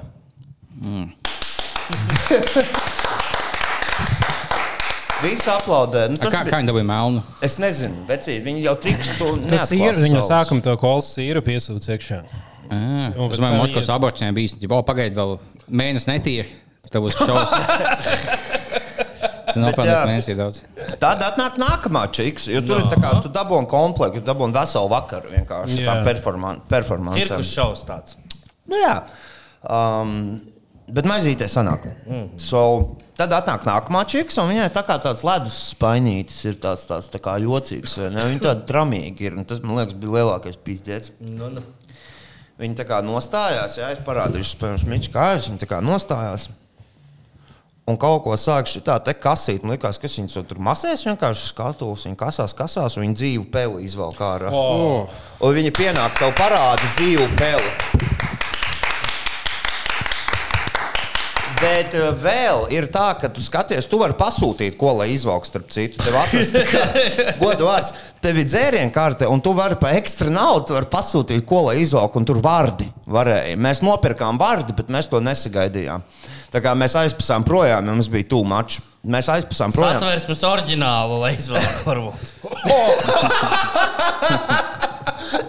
Nē, bet pēc nākamās performances tur mēs aizpasām projām, jo Mēnesis Sandijs sāk atkal paļīties. Es domāju, es domāju ka šie apsargi sāk nojaust. Viņam ka Sandijs, lēt- darot koliņu, nav gluži kaut kāds blēķis atpūtnieks. Viņam nepatika, ka Ladyboy neuzstājās. Jā, so, tad atnāca Čiks, vai ne? Arī atkal pingpong bumbiņām spainīt, un viņai bija asistente, kas bija zālē. Mm. Un tad tā čiks, ar ko atšķirās viņas šovs, viņa notēmējusi cilvēku un šāva pa tevi. O, Tā kā uzreiz viņa, un viņa trāpīja, viņai 90% trāpīšanas reids. Wow. Ja domājies, viņa notēmē šāva pa tevi. Un Tā kā Amors. Varbūt mums viņu vajag izlasīt basketbolu. un, Pietlāna izlasē mierīgi nodarbojas. Vai uz Ukraiņu aizsūtīs? tajā, tajā momentā es sapratu, ka nu, okay, tagad vai nekad. Un viņi, nu, tajā brīdī, kad viņi bija notēmējuši uz mani, es tā kā Bekhams ar galvu puk, atsitu to bumbiņu, un viss klubs aplaudēja. Tas bija super. Bet tas bija arī tas moments, kad, ok, tagad laižamies. Nu, ķipa, tagad pietiek, vai ne? Mm. Un, jā, tikām ārā. Tās manas top trīs lietas. Tā, šī bukletiņa tā aizemē. Jā, mums vēl ir jautājums par to, um, cilvēkiem interesē Ladyboy uh, cīņu izmēri vai kāds tur tas Tā kā džekiem parastiem, jo lielāks, jo labāk. Ir tā, ka. Uh, Tur arī var tur tā par pirkstu tādu, nu, ģipa, vai tie cilvēki, kas grib izvēlēties, viņi var izvēlēties. tā Jā, kā, jā kuru- tu pasaki, tu gribi lielu pipeli, mazu pipeli, tu vari mierīgi izvēlēties. Jo tur tas viss ir nu, tā kā čīsti open, pieņemts, viss kārtībā, nav stresa. Un uh, es zinu, ka arī tajā Ladyboy komunā, vai, nu, un arī to čuvaku, kuriem tas cepīja. Tā kā, kuriem cepīja tāds fetišs, eh, viņiem patīk, ka ir maksimāli lielāks pipels. Viņiem patīk. Es nezinu, kāpēc. Es neesmu pētījis dziļāk, bet man, mums teica, ka Pētīs dziļāk. Viņi mums- pēc dziļāk. Mums vienā no nākamajām, man liekas, 4. vai 5. sērijā mēs dabūjām vienu Ladyboy čiks, baigi foršs, superīgs cilvēciņš. Un mēs ar viņu pusdienu pavadījām kopā. Tā kā paskatīties, kā izskatās viņas diena. Mēs viņai sekojām, intervējām, brīnišķīgs cilvēciņš. Un viņi mums daudz pastāstīja. Viņa, piemēram, tagad, kad sākās Covid, tur bija pizdzēts tā aizmē. Nu, tā kā dirsā. Covid, Dirsā Covid bija, bija pilnīgā dirsā aizmē. Jo, iedomājieties, tas viss darbs, jā, ar ko viņi nodarbojās, tas ir tikai online. Mm. So, baigi daudz čiks, es īpaši Ladyboy pārgāju uz OnlyFans. Un tur ir otra problēma. Tagad, kad tie klubi ir atvēršies, čiks nenāk atpakaļ. Viņas OnlyFans nopelna daudz vairāk. Un tā, tā, tā Ladyboy čiksa ar kuru mums bija tā pusdiena pavadīta kopā, nu, minēt, cik viņa nopelna mēnesī dolārus. Nu, aptuveni. 2000. Ar OnlyFans viņai ir 20, asistente. 20 štukas. tuvu 15 štukas, kas vienalga ir milzīga Nu, summa. Priekš Priekš Latvijas viņa- arī 15 Viņai ir, viņai ir mašīna un penthouse. Bro, saprot, viņa dzīvo mašīnā. Viņai ir mašīna un penthouse Taizemē, kas jau ir šitā. Te. Taizemes valdība, Taizemes karalis drīz aizliegs OnlyFans. Taizemē. Viņi teiks, visi šī nevar. Tā kā Viņi, TikToks tev ir, tā jā. ir, bet tad OnlyFans nē. Un, uh, un, un, jā, un viņa tā arī pateica, ka balstoties uz viņas pieredzi, ja klientiem patīk, kad ir maksimāli lielāka pipele. Es neprasīju viņas izmērus, arī neredzēju, so es paļaujos viņas viedokli. Mošs meloja. Bija vienkārši sieviete, tad, jā, pohojas nofilmēšos. Pa naudu. Viņam uz uh, Dandāls nebija. Viņai bija dandāls. Viņai mm. toči bija dandāls. Parādīja. Uh, a, nu, zin, viņai ir Instagram profils, kur mēs varam ieplakot pēc tam šeit lejā. Ja, nu, kādu, kādam ir interesi, mēs varam. Jā, ja kādam ir interesi, mēs varam ieplakot. Discordā būs. Instagram Discordā prof- ieliksim. Būs, jā. Discordā Davai, Jā, ieliksim. Visi, kas grib tādu kļūt, kļūt Patreoniem, pievienoties Jā, Discordā. uh, būs uh, Instagram profils, un tur var redzēt. Nu, nu var redzēt. Tā kā arī tajā pašā ledībā bārā, kad ieej, kad čiks tur dejo pie stieņa, nu tur redz, ka tur ir mantība apakšā. Tur redz. Ļoti labi. Mums tādā pingpong šoģī bija, tu aizēji vienreiz, ir divi šitos no citas valsts jo man jāiet tagad dīvaināka lieta apskatīt. Tāds, jā, ok, bet ja tu, tu ej otrais, tas ir daudz slimāk. Viņš kas tas, kas iet atkārt, ja oh, man tā vārda patīk, un izauga laukā tas, nu, bet tas ir. Pa, pa slimumu runājot, ok, tas ir viens. Bet man interesē, iedomājieties, kurš cilvēks to izdomāja. Pirmais cilvēks, kas izdomāja konceptu ping-pong šovam, un tas jau bija sen, kaut kādos 80, 70, kurš atklāja šo te. Varbūt šito vienkārši spēlējās Konceptu. mājā un sapratu, ka šis jārāda visiem. Pasties, kā man smūgs Nē, sanāk. nu parādīja kaut kādiem draugiem, visiem bija tāds. Jā, visi. Pagaidām, man mājā ir pele, man ir ideja. Gan jau kā ķīnieši, to es mīlu pingpong un mauks, kā lai es to apvieno vienā tāds pingpong šovs. Uh, Par ķīniešiem runājot, uh, tur ir arī tā, ka um, to var vairāk redzēt, kāda ir teiksim, gan vietējo taksistu, gan street vendoru, gan arī to pašu. Jā, Nā- Nākamo atlido. ah, jā es iedošu nākamo. Tur var redzēt to pašu. Čiks un kā stāstus uh -huh. uh, par to, kuri vispretīgākie, jobanākie turisti. Krievi ļauj minēt. Jā, numur viens un otrajā vietā ir ķīnieši. Principā krievi un ķīnieši ir tie, no, nu, kas visvairāk nepatīk. Tur tā kā ķīnieši ir reti pretīgi. Es pat teiktu, ja godīgi pēc stāstiem, ķīnieši ir pretīgāk par krieviem. Un to ir ļoti grūti kā, pārspēt. Bet Pēc Ķīna- vēstures stāstiem Japāņus var bijuši pretīgākie vispār. tā Kā, Uh, nē, kā bet pēc tauta. attieksmes. pretīgi, pretīgi tādā ziņā, ka. Kara laikā, es domāju. Un otrā pasaules kara laikā viņi nometnē, bija dabūja pa muguru, tā teikt, no amerikāņiem. Tad labi, mēs būsim maks čili, mēs multeni zīmēsim un to jau atstaisīsim. Jā, bet zin kā, viņi ir pretīgi tādā ziņā, ka viņi ir asshole. Bija viens, viens čiks stāstīja, ka ķīnietis viņai pateica, ka viņš nemaksās par lepdēnu un vienkārši izdedzināja cigareti caurumu kājā.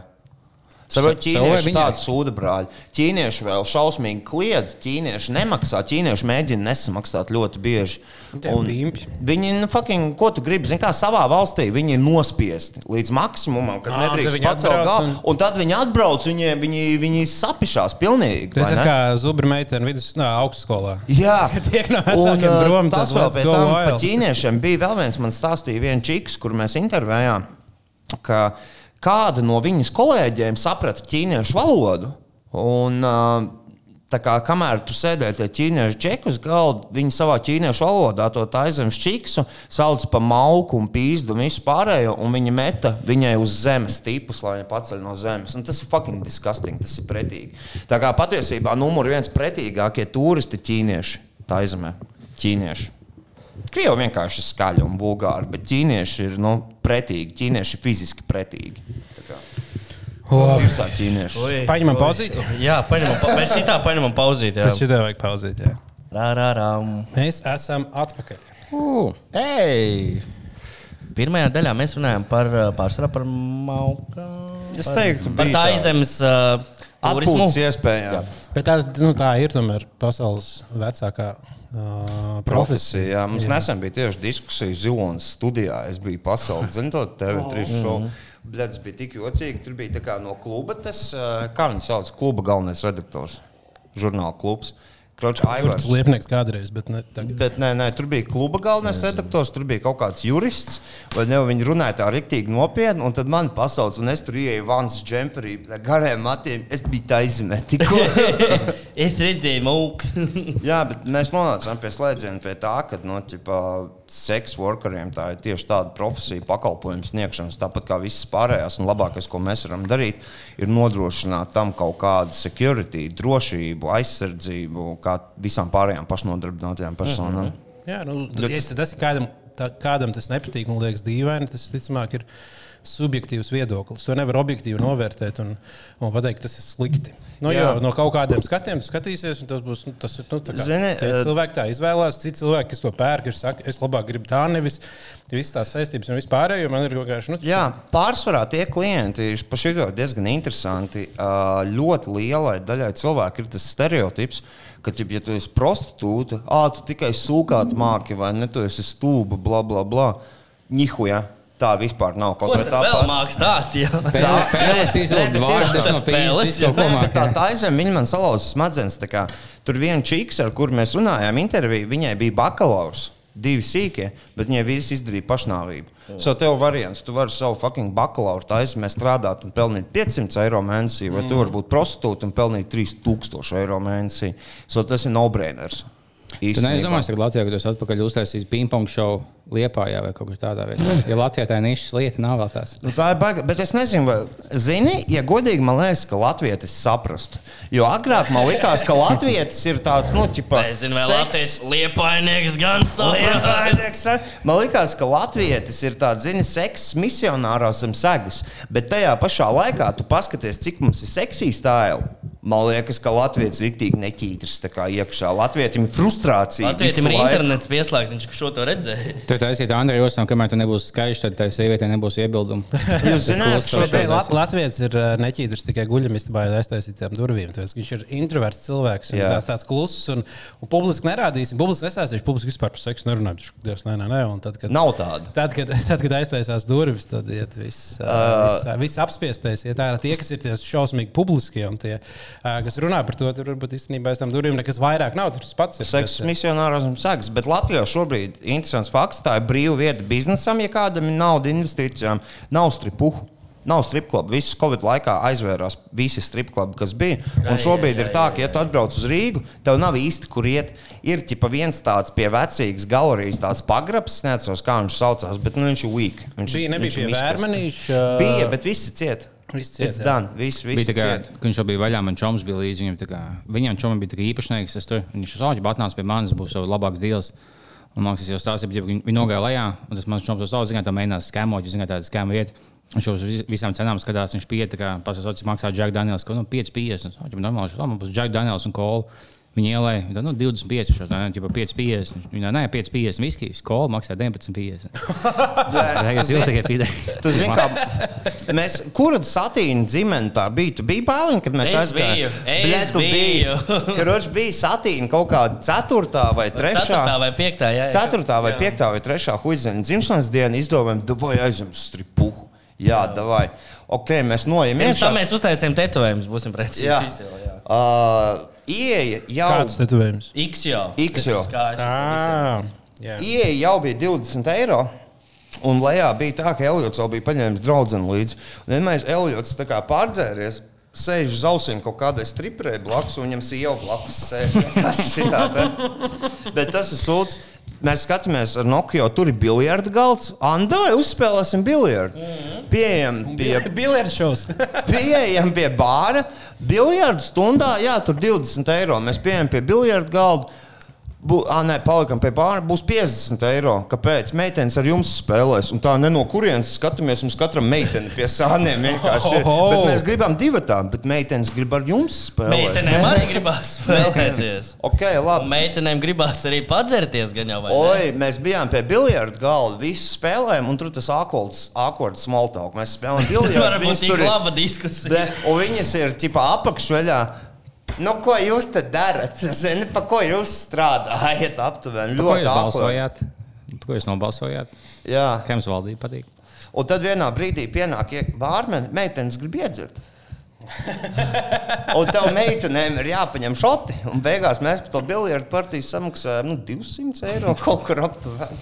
La, labas, labas spēle. Labas izklaides. 200 eiro tu varēji noīrēt, man liekas, visu šo Pepsi centru. un, un visu pilsētu varēja uzspēlēt. tur meitenes nebūtu. Nu, tā kā meitenes Nebūtu meitenes, jā. jā.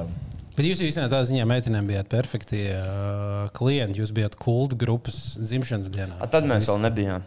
Necīt, tie bija pirmie gadi. Četri gadi jūs jau no sākuma jau.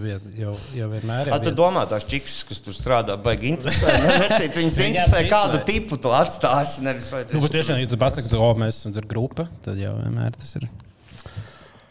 Jā, bet tā ir interesanti. Es atceros, ka kādreiz skatījos, uh, kad dzīvoju Kuldīgā, es skatījos How Much Mother, un tas bija tas, kas man parādīja kaut kādu, oh, kā tur bāros dzer un kaut kas tāds. Nu, tā kā skatījos, un viņi vienmēr tur gāja uz strip klubiem. un Likās, okay, tā ir tā lieta, kas vienkārši ko cilvēki dara. Nu, kaut, kāds- ir fun. kaut, kaut kāda sabiedrības daļa, kas ir vienkārši kas iet, un pāros uz Rīgu. Un neviens nekad neieminēja to, ka iet uz strip klubu. Tu zini, cik tas maksā Latvijā? Un man bija tāds, ah, laikam tas tā, tas bija tikai tomēr tas seriāls. Tā ir amerikāņu lieta. Latvijā nav iegājusi. Ir starp citu koncepti vairāk. Ir ķipa Eiropas stripklubs un ir amerikāņu stripklubs. Es tev nevaru pārāk daudz stāstīt, nevaru neko give away.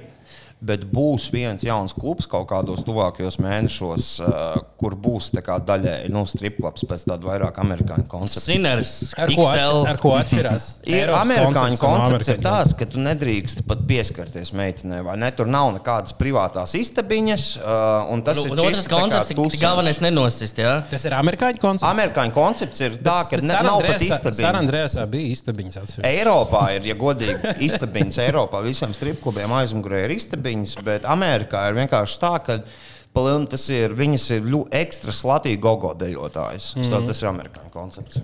Plus, tu, tu Amerikā tikai meti tos dolārus viņam, bet Jā. Eiropā tu meti monētām, kas ir no sāpīgākām meitenēm. Bet, zini, nevis 5 eiro uz laiku mēs tev. Starp citu, par konceptiem runājot. Jānis nav atnācis tukšām rokām. Darbie klausītāji, skatītāji, mēs tagad varētu uzspēlēt, nelielu mazu konkursiņu. Tā kā mēs esam izslavējuši GO3 piedāvātās iespējas, GO3 tā zem tikai pieaugušie. lūk, lai jūs varētu nahaļau skatīties Jankas šovu, uh, mums ir piedāvājumā Un trīs. sešus mēnešus, starp citu, tur ir HBO un sports arī iekļauts. Jā, jā, un viss kaut ko tur var skatīties. Un var sakot, uh, tagad jūs dabūsiet pusgadu skatīties to visu pavelti. Trīs no jums, kas ierakstīs komentārā, YouTube zem komentāra. YouTube komentārā. YouTube komentārā. Arī, arī Spotify jau rakstīt komentārus, un arī tur var ierakstīt komentārus. Labāk rakstiet YouTube, lai visi vienlā, YouTubā. vien, vien, vienlaikus, ja nu neslinkosim. Vai es Un- pats piedalīties? Man nav gotrīs. Es varu iekomentēt. Un... Es domāju, arī ka mēģini, tu arī jā, vari rakstīt. Un trīs labākie komentāri, tad dabūs balvu. Un ir viens, šāds. vien, nu, tātad, pirmkārt, viens labākais komentētājs būs viens visvairāk laika, kas no YouTube saņēmuši komentāru. Tad, tad paliekam tikai pie YouTube. negribat izvēlēties. Mēs paši izvēlēsimies, Ne, un viss. Nu. Ne, vienu, vienu mēs iedodam lielākiem laikiem, un divus mēs izvēlamies. Okay. Mums ir kopā trīs, un, uh, un tad, bet tad, tad, tad gan tikai YouTube. Es varu varbūt aizskatīt pašrāt, ātri, kamēr Es jūs tikai izstāstīšu visus noteikumus. Jā, tad droši vien es lēnām stāstīšu noteikumus. Jā. Uh, un tad noteikumi ir pavisam vienkārši. Jānis te pirms tam mums izstāstīja dažas dažādas everģēlības, kas notiek tā aizemē, tajās uh, prieka mājās. Un mēs vēlamies, lai jūs komentārā uzrakstat savu konceptu kā vietai, ja? savu, savas lietas, kas notiktos jūsu uztaisītajā prieka mājā, kādas būtu attrakcijas, kāds būtu piedāvājums, vai nu, kaut, kaut kā izceltos. Un tad trīs labākie, tad attiecīgi saņems GO3 kodu. Jā, tad, tad, tad jums jāieraksta komentārā savs koncepts uh, savam klubam, uh, kas ir tāds nu, sarkano lukturu ielas klubs. Un, uh, Tur taisīt, teiksim, tā kā striptīs bārs, bet tikai čaļiem. Jā. Tikai džeki nāk iekšā un džeki uzstājās. Vai tikai pensionāriem? O, tikai pensionāriem. o, ļoti, Tas gan ir interesanti. Jā. Vai otrādi, vai tikai pensionāri Zilās uzstājās un sieraklu. tikai, un tikai Zilās, zilās vafels klubs. Zilās apelsnes klubiņš. Uzstājās tikai pensionāri, bet drīkst iet līdz 18. Ļoti interesants koncepts. Jā. Bet tu esi domājis, ka, ka tev paliek kaut 80 gadi, vai tev liekas, 60 bezgadīgas sievietes, seksīgas un brāļi tādi. Tā kā, kā mēs skatāmies uz mūsu vecuma sievietēm. Nu, kā novērst to 60, 70 gadīgo miljardieru klubiņos, tur laikam tāda īsti nav. Jā. Lai gan- Un uh, es varētu aicināt cilvēkus, uh, iespējams, striptrīs klubu konceptā, te ņuhu visiem nerakstīt. Jā, starp citu, Var jā. padomāt ārpus tā, bet tas būs tāds, Jā. tā ir tāda pirmā ideja, tas ir pirmais, kas ienāk prātā, ka tas būs koncepts, kurā ir tā ņuha. Bet es pieņemu, es- ka, tā kā, ka tas, nu, varbūt skatītāja balss saņems tas vairāk, bet Jā. Jā. nu, no mums katrā gadījumā tas uh, balvenais. Es arī ātri nozagšu, daudziem gan ir ideja, ka uh, sešu brāļu klubs arī, arī vairs nederēs uz matīti. Jā, Šodien, jā. starp citu, matītam vārdiem. Matītam ir vārds. Matīti. jā. jā. Matīti, šodien- Jūs pazīstat kādu matītu? Jā, īstenībā tāda vairākas, diezgan daudz matīt, matīt, matīt. Tagad nopietni? Vismaz piecus, manuprāt. Wow, tas ļoti specifiski. Mat, nu, labi, matīs. Ah, Matīs, jā, bet Matīs. Ne, matīti, tu zini, nezinu, ko Es nezinu nevienu Matītu.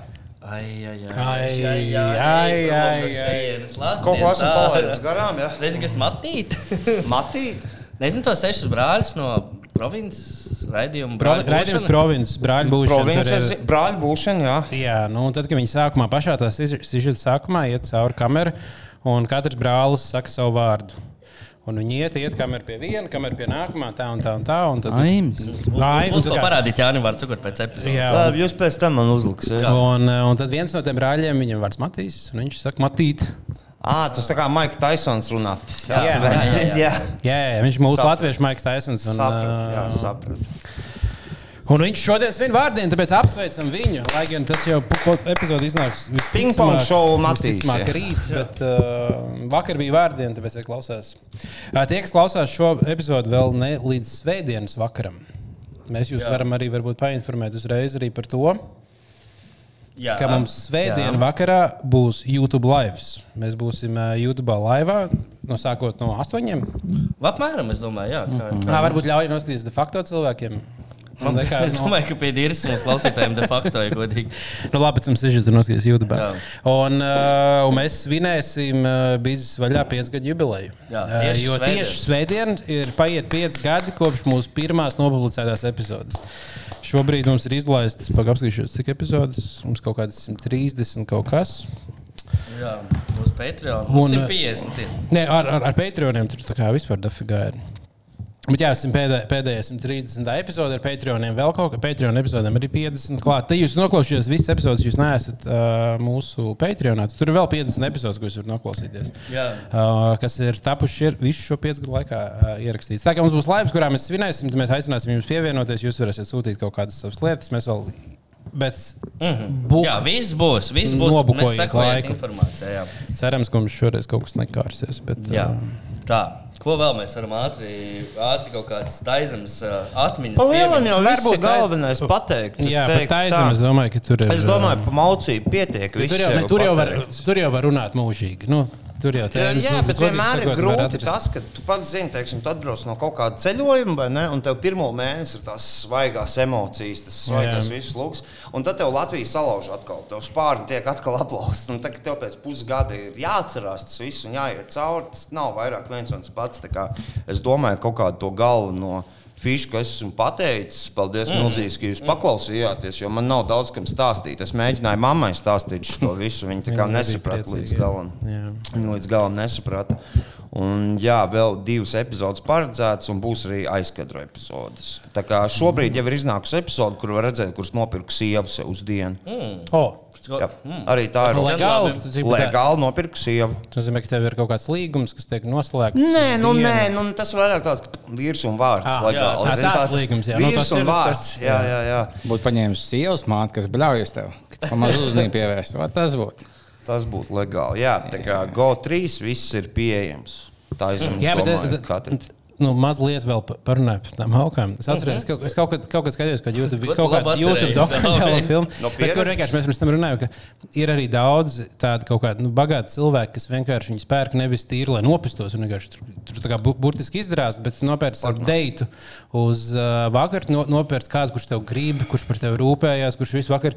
Un tur pat ir kaut kādi bagāti cilvēki, kam vienkārši ir nu, tur mei, četras meitenes, viņš uz Jā, jā. mājām uh, Tas reizes ir eskorts. Tas Jā, ir tas ir eskorts. Jā, Jā, jā, nu, un, tur, kā, un tad jau arī tādas lietas cilvēki meklē. Es Viņi, domāju- viņi saprot to, ka kaut kādā brīdī Tieši tā, un es domāju, tāpēc tas nav vispār ne jāšaimo, ne jāģidžo. Tā kā tu pats iepriekš teici, tā ir vecākā profesija. Mums vienkārši jādomā, ko mēs varam darīt vairāk, lai varbūt uh, to profesiju, nezinu, pasargāt, jo tāpat cilvēkiem domas neizmainīs par to, ka ķipa, "Ā, tā jau mauka, tā tad viņi tikai sūkāt māk. Nu, Nē, cilvēki dažādi, un, un, un es domāju, esam cieņpilni vienkārši viens pret otru. trakākais ir tas, ka, ja tu dari nelegāli, tad ir noteikti diezgan sliktas lietas. Bet tas viss ir legāli. Latvijā jau arī prostitūcija legāla. nav gan. Ir Nav. gan.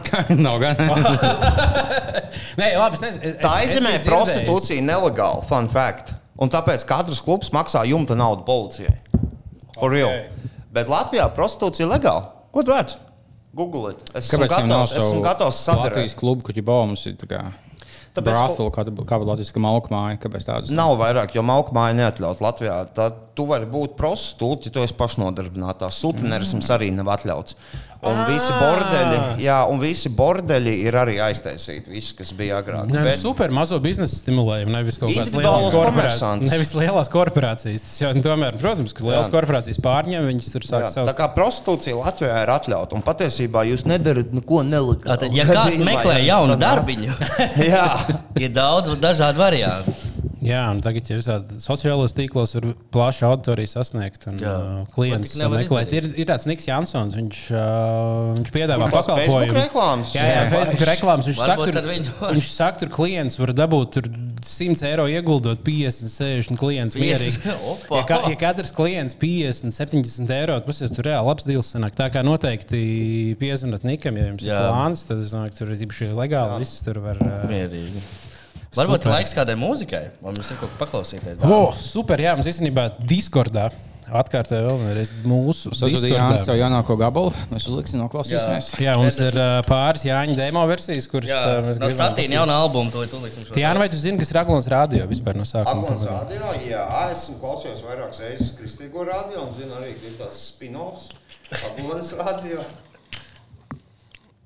Un, uh, un, jā, un tad mēs paklausīsimies kaut kādas jāstra dziesmas, ko mums ir iestudējuši. Šoreiz mums ir tādas nevis pilnas dziesmas, bet drīzāk tādi mākslinieki, kas ir uh, tiktu kā. Mm -hmm. uh, vairāk mēģinājuši ar tādiem nu, es nezinu. Nu, tādi ma-. Lūpiem, bet tādiem, tādiem mazākiem gabaliem uh, mēģinājuši iesaistīties.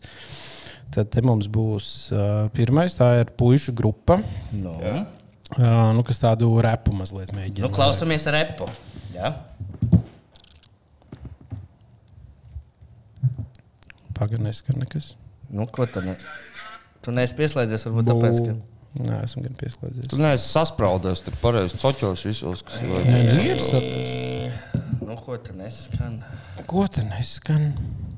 Mājās uzkurīgā, O, aizgāju mājās uzkurīgās, mutere tirsa, aizmisu prom, draugi palika, meitene tirsa, aizsām uz bāru, iepisu vīnu, nodzeru dienu, tagad ir vakars, ļoti laba dziesma. Tas ir tā kā mani 15 gadi raksturots. Tā flashbacks, kā man bija 15 gadu vecumā. Bet, Tas ā, no dzīves reāli. Jā. bet tas īstenībā ir. To nevar ā, man, man, man patīk tā pēdējā rinda. Uh, Nodzēru dienu, tagad ir vakars. Tā ir. nu, Tas ir dziļi. Tas ir Man Hemingways. ļoti Tas ir patīk. Tas ir īsts. Jā. Tur ir viss pa īstam, autentiskums. Jā, tad arī, esi, ā, ja tavā laikā būtu bijis TikToks, tad, Dirsā. tad būtu. Dirsā būt vecīt. Mēs mēģinājām, zinām, ko darīt. Tā kā mums bija 14, 15 vai ne?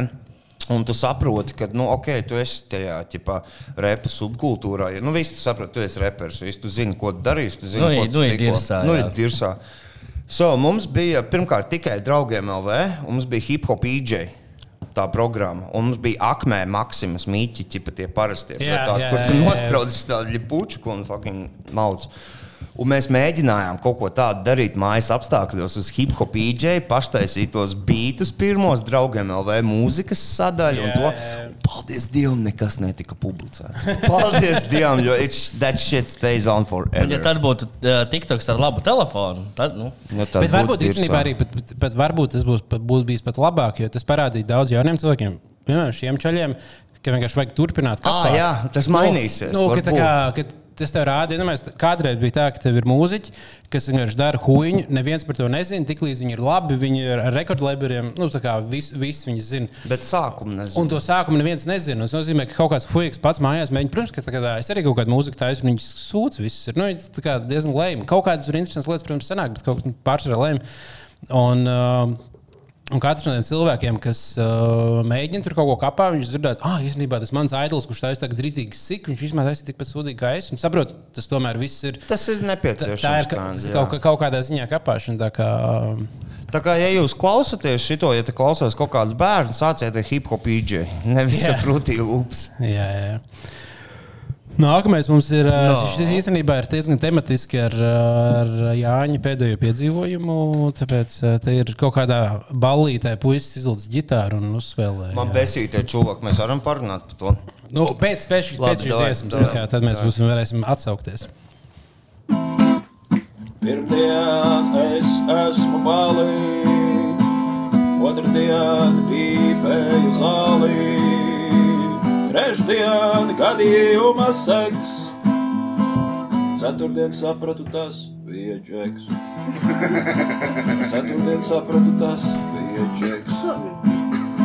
Ir piekdienas vakars, man rokās ir steks. Es atgriežos bārā, saku, ble, kur ir tas džeks. Sestdien atradu čali. Svētdien ūdenī visi gali. gali. Es skatos, ka svētdien mums atkal bija Jūs seks, pirmie, bet- jūs pirmie, tad, bet man ir rēns par šito. Nu, tā, Šodien let's go. Ok, Lai dara, lai tā kā dara. šitie čūvaki ģitārā mājas balīties, jeb bal. Tātad Ziepniekalnā, vai ne? Es augu no Ziepniekalna, un tur mums bija arī ļoti daudz mājas tusiņu, jo ko citu fucking var darīt Ziepniekalnā, ka tev 15, 16. Ok, mēs tur tādu tusējam, buhājam, un vienmēr, vienmēr ir tas viens džeksa ģitāru, blēķi. Vienmēr katrā tusiņā. Kādam no viņa fucking Logitech maksājuma stumbām normāli skan tiesto vai ne? Vai David Geta, blēķi, visi atpūšās, visi priecājās. Tur kāds bučojās virtuvē.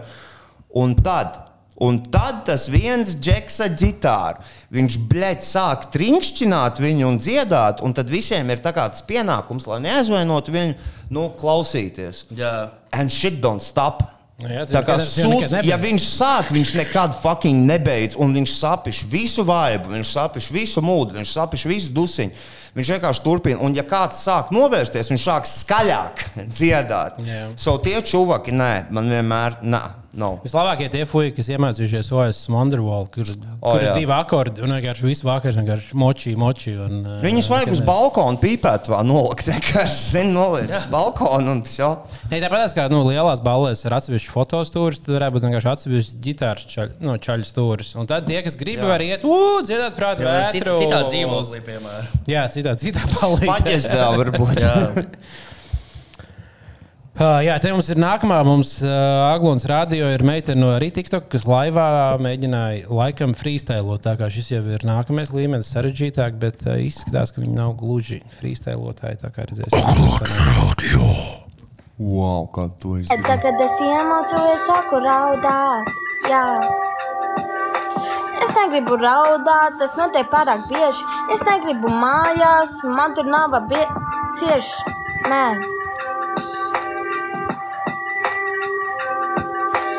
Ja tev ir maza māsa, pasargā viņu, jo naktīs eju pa, pa galveno ielu. Jā. She speaks the truth. Ja tev ir mazs brālis, aizraksti viņu. Manu numuru es varu atstāt lejā. Descriptionā aizsūti to viņam. Jā. Nē, I, I get it. Ai, Tā es kā- lidos uz brāļa, atradu savu māsu. kā, šobrīd vajag katrā lielajā repa grupā vajag vienu čiks vokālu. Tā, kā, tā ir Nikija Minēža Young Money būtībā. Jā. Jā, tā bija tā, ka sievietes skatās, ka viņi bieži raud. un Viņi tā dealo ar emocijām, jo mēs kaujamies un, un tā līdzīgi. Mēs Viņi tā izrisinām Jā, emocijas. tā ir tikai no sievietes skatu punkta. kā Nebija, nebija tik slikts. Tikai Jā, bet īstenībā tā ir ļoti laba analoģija. Vīriešiem kauties tas pats, kas meitenēm raudāt. Jā. Ja me- meitenēm vajag vienkārši, dažreiz viņiem ir pa daudz, viss sakāpjas, un viņiem vienkārši vajag raudāt. Čaļiem daudz. Kāpēc raudāt? Viņš kaut Vienkārši izkauties. Mēs varam tādā, labā, tādā gadījumā atgriezties pie tā imanta meža prikola. Bet, uh, imanta meža prikola, kur tas jā. bļa, ka tās specvienības brauc tos 14 gadniekus aizturēt. Bet tas visticamāk tiem sīkiem bija tad, kad pirmajā dienā sākās tas Bet hype. tas ir krūta tieši Visiem viņiem. Tas pats what's up? kaut kas notiek. Kaut kas notiek. Ja mēs būsim barā, mūsu visus neieliks cietumā, ja ieliks, mūsu vecāki nebūs dusmīgi, viņi būs dusmīgi visiem vienmēr. Par to, par to imants prikola tā kā nepopulārs viedoklis. Uh, es saku, no, no, jūs, tu esi no kuldīgas, vai ne? Tu esi no kurienes? Kultīgi. Kuldīgs. Arī kuldīgs. Tu esi no Jelgavas. Okay, Zini, kā Ziepnieka kalnā bija bļa, 2000. gada sākumā, bija daudz žostkāk par to, kas tur notika Imants mežā. Un visi vienkārši izkāvās un bija miers. Bet tā kā ir tagad tā vesela jaunā paudze ar Twitter mutrēm, kuras ir augušas inkubatorā. Aptuveni, zini, un ja tu nezini, how shit goes down, ja tu esi tīns. Ķīpsels inkubatorā zem kupola, tā kā aptuveni. Un tu nezini, how it goes down, ja, ja tu esi tīns. Un tad tas uh, šoks, tas pirmais šoks, kas visiem bija, tā tiešām jaunieši dara, ķipa ārprāts. Un tad, kad to salīdzināja 90. Blēd, tas bija tāds pēdējais piliens. 90. gados, kā cilvēks Ziepniekalnā darīja 90. gados. Viņi klauvēja pie durvīm, kur ir pensionāri un izlikās par Latvijas gāzes darbiniekiem. Jā. Atvēra durvis, viņi nodūra pensionāru un savāca visu naudu. Oh, wow, Vi- Visus 40 latus. Es domāju, Nu, ka bija vairāk. Nu, o, kas bija. tā kā- Karoči, un tie bija 90. bļaļ. tā bija realitāte. Nu, bija un tāpēc, tā, kad tie inkubatori cilvēki salīdzina to ar 90. tas, bļaļ. Jā, mēs kopumā visu laiku ejam diezgan prom no tā, un cilvēki mēģina slēgt, un mēs esam atpakaļ turpat. Mēs nekas nav Viņi mainījies. pat nav dzīvojuši tur diezgan daudz. Mēs dzīvojam ļoti labi šobrīd. Tāpēc tam bija no vienas puses vajadzīgs tas Simons pedofils, jo ja tagad, kad viņi apcietināja, pasakās, kā tie sīki uzvedās Simons mežos, nu, bļa, kaujās, bļa, sprēgā un tam līdzīgi. Nav kas mums tā kā pieķer pie saites. Viņi pilnībā izlaboši, nav nekāda dabiski ienaidnieki palikuši. Tikai mežā, kad tu izšāvi visu, tagad, ko labs medīt, ja tad ā, tad labs. Frustrācija izliec ārā. Jā, tagad viņi jau mums viņi pa daudz izlikušies. Jā. Tā. Kas? Kur? kur ko? Šo. Ah, vai? Tā, te vai pie manis, jā? Te viņš ir tukšs. Nu, kas ir nākamais par radio? Vēl mums rādījums. Nē, Vismaz nu. diezgan. mēs Vēl, vi- vēl varam. Vēl viena, es domāju, Vēl viena mums radio. radio. Tātad vēl viena šis. Šis ir Pring Z. Maģis Z ir uh, izpildītājs un piedodiet aizkraukli. Punkts V. Piedodiet, MV. aizkraut. Tā jau ir laba dziesma. Šī ir pilsēta, kur iekroja mūsu sirdis, apsēdās mūsu dvēselēs un sēž tur zīvi. Jā, šis ir princis Migēls. Jā, esmu atpakaļ. Tā viņš ir apakaļ. Jej! Bet jautājums, kur viņš bija?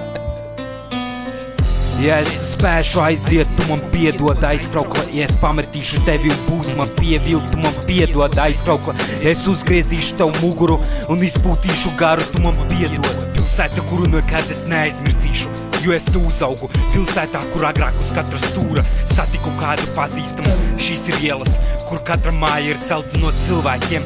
Pilsēta vienmēr slēpa sevi kādu no pasaules noslēpumiem. Viņa sāpināja sevi, pildīja sevi ar ceļiem. Ja es te dzīvošu un strādāšu, mainīšu šo pilsētu uz moderniem laikiem.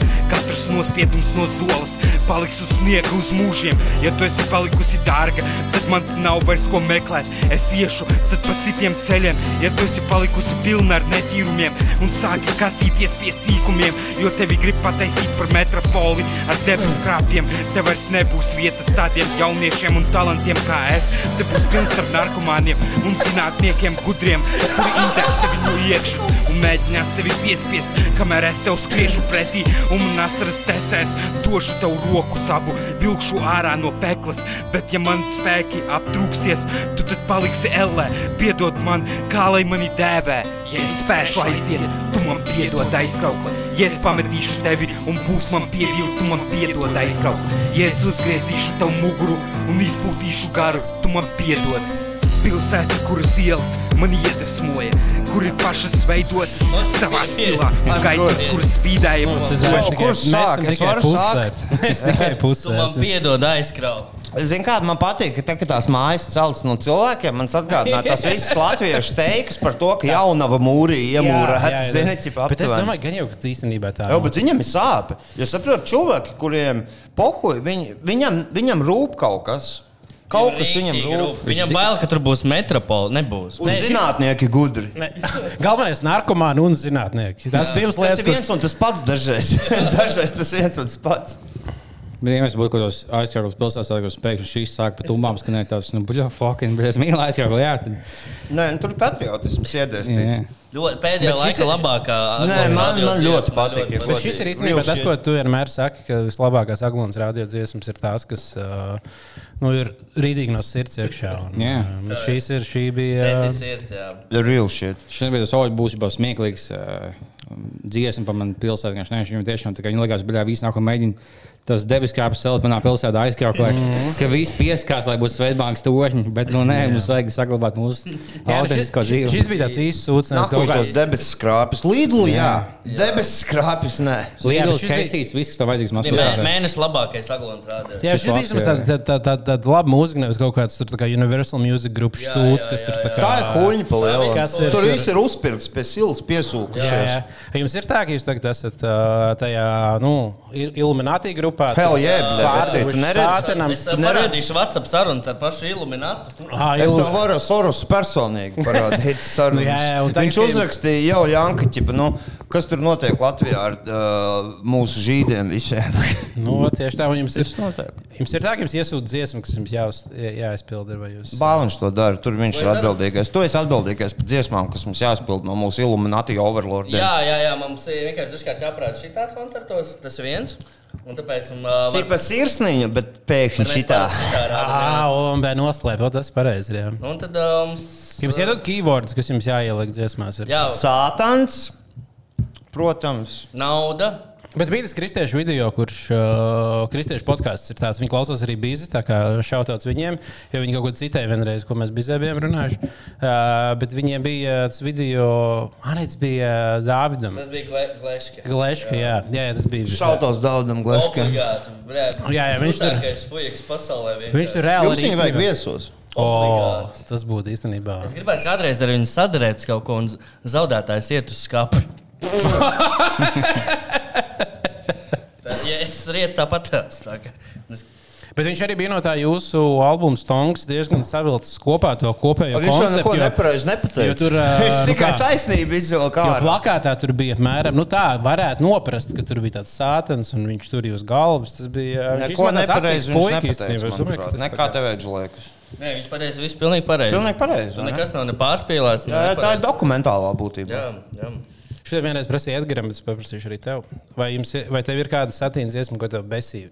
Izpildīt. Nu, kā, jūs vienmēr koncerts ir kā radio, kad kādreiz bija besī nu, kas, kā, kas ir tik daudz bijusi un tik visiem tik ļoti patīk, un ka tev jau pašam Man vairāk- laikam piededzina man es zvaigznes pasteidzu, Jā, es. Man laikam zvaigznes. Es nevaru vairs izturēt tā kā to dziesmu, jo viņi ir tā kā tas superhits, kurš tā atgramots. Es vairs nevaru. Viss I'm done. Bet Tā ir bijusi vislielākā dziesma. Kur bija? Kur, Jā, kur, ir vislielākā, tā ir Kur bija tā, kas visvairāk? Tā kā Es viņa arī nemāku ats- komatus, atspēra. ir tā, kas mūs izmet ārā, ķip uz mainstream, bet piedzina man ir tā, kuras negribu vispār izpildīt. Jā, jā, jā, Balvu es vienkārši nevar izturēt. Vienkārši nomainiet viņu ar pupoliņiem. Nē, tas jau ir kombinācijā, vecī. Tas ir that. Nerunājam par to tagad Jā, vienkārši. viss Vai pietiek. labāk sestdienas kuci vai pritona svēga atgriežam tādas Jā. mazāk zināmas kompozīcijas. jā. Cik bieži jūs motorāpi izpildāt? Pārāk rēti. Pārāk rādi. Bet mēs domājam par otro daļu. Jau kaut kad drīz. Oh, okay, Jo mēs sapratām, ka nesen visi artisti vienā brīdī nonāk tajā turķa morālo vērtību repa sadaļā.